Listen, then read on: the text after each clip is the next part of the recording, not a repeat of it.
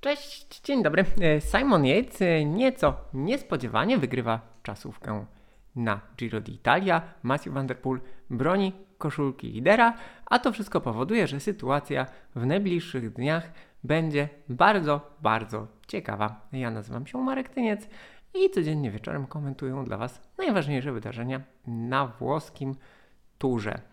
Czy wygrana Simona Yatesa to jest sensacja? E, nie czy to jest niespodzianka? Poniekąd. Simon Yates potrafi jeździć tego typu e, krótkie próby. To była e, wymagająca, bardzo wymagająca czasówka, mimo krótkiego dystansu 9200 metrów. E, bardzo techniczna, dużo zakrętów, e, dużo zmian tempa, e, dużo przyspieszania, rozkręcania. E, ważna była technika jazdy. No a do mety prowadził ponad kilometrowy podjazd, który był dość ciężki. Na nim również były zakręty, na nim był bruk. No i e, to wszystko powoduje, że to nie była stricte czasówka dla takich specjalistów e, jazdy indywidualnej. To znaczy poza bezwzględną mocą liczyły się inne cechy, pewna dynamika, technika jazdy, chociaż czasowcy generalnie mają bardzo dobrą technikę jazdy, potrafią, e, potrafią znakomicie e, ciąć zakręty, wykorzystywać każdy, dosłownie każdy centymetr, każdy centymetr szosy. E, tutaj nawierzchnia była zmienna, co też powodowało, wymagało, pewną, wymagało pewnej, pewnej uwagi. Zatem ta wygrana Jejca, tak jak powiedziałem, jest pewną niespodzianką, natomiast nie jest sensacją. Interesujące jest y, trzecie miejsce Toma Dimulena, 5 sekund straty do Jejca. Na takiej próbie to jest wbrew pozorom e, dość sporo. Y, Dimulen powiedział po etapie, że generalnie czuł się dobrze, moc miał dobrą, natomiast w końcówce troszkę mu e, zabrakło. Czy to oznacza, że na, na tym podjeździe, no, że po prostu go przytkało, że się troszkę spalił? Czy to oznacza, że Dumoulin na przykład, y, w zależności od tego oczywiście, jak wyścig będzie przebiegał, y, no trzeba będzie jakby jego notowania, jego notowania będą niższe przed finałową czasówką w Weronie? Nie. On miał y, ciężką wiosnę, przerywaną problemami zdrowotnymi, zresztą jak wielu zawodników, Yates również. Myślę, że nie przyjechał na ten wyścig w optymalnej formie.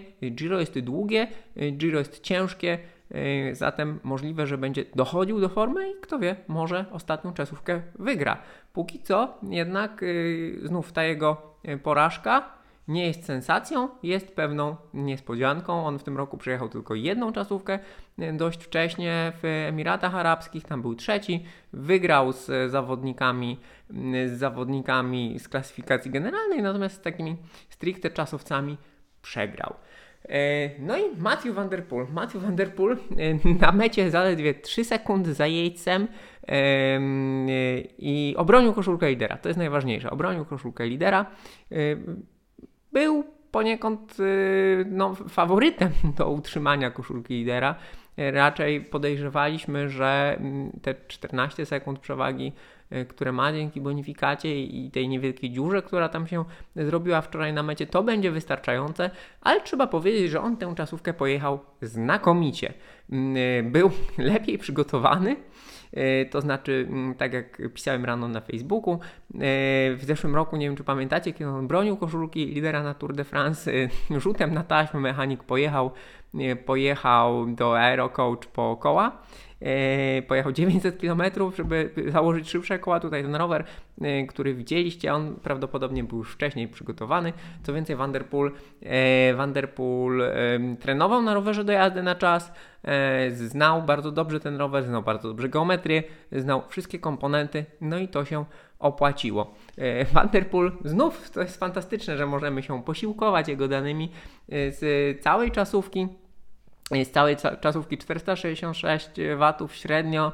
E, no i z ostatniego kilometra tego podjazdu, e, z jednej strony ciężkiego, z drugiej strony technicznego, 566. E, także Także naprawdę wybitne, znów mamy do czynienia z wybitnymi, z wybitnymi danymi. No, wygląda to wszystko, wygląda to wszystko znakomicie. Vanderpool w ogóle wygląda znakomicie. To też trzeba mówić. On się ubiera, on się prezentuje jak wielcy mistrzowie z przeszłości. Nosi czarne spodenki, wszystko jest dopasowane, dopieszczone. Wygląda to świetnie.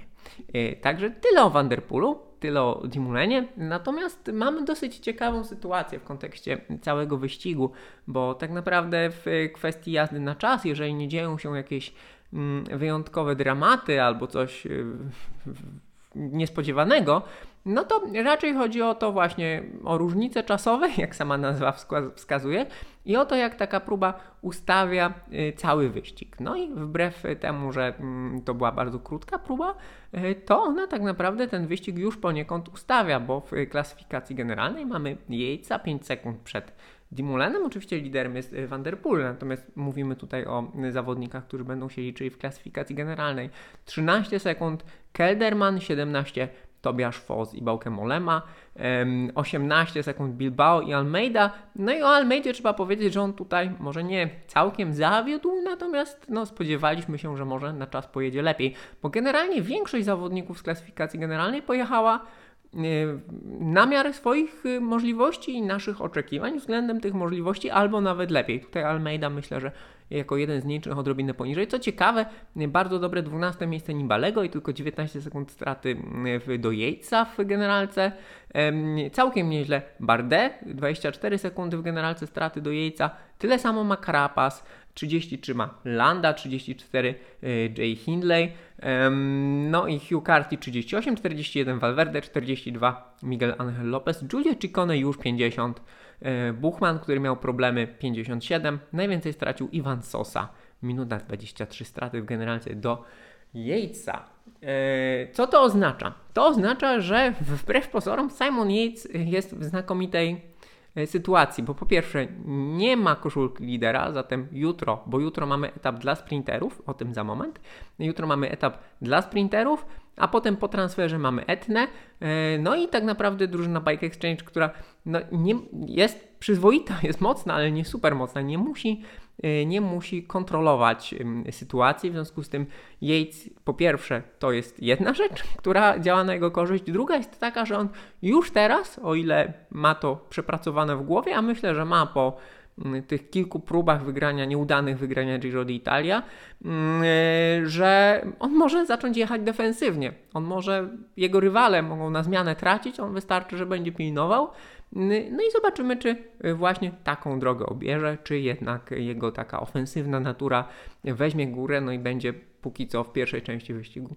nadal, nadal e, szukał sekund, szukał przewagi e, i e, zbierał, zbierał tę przewagę.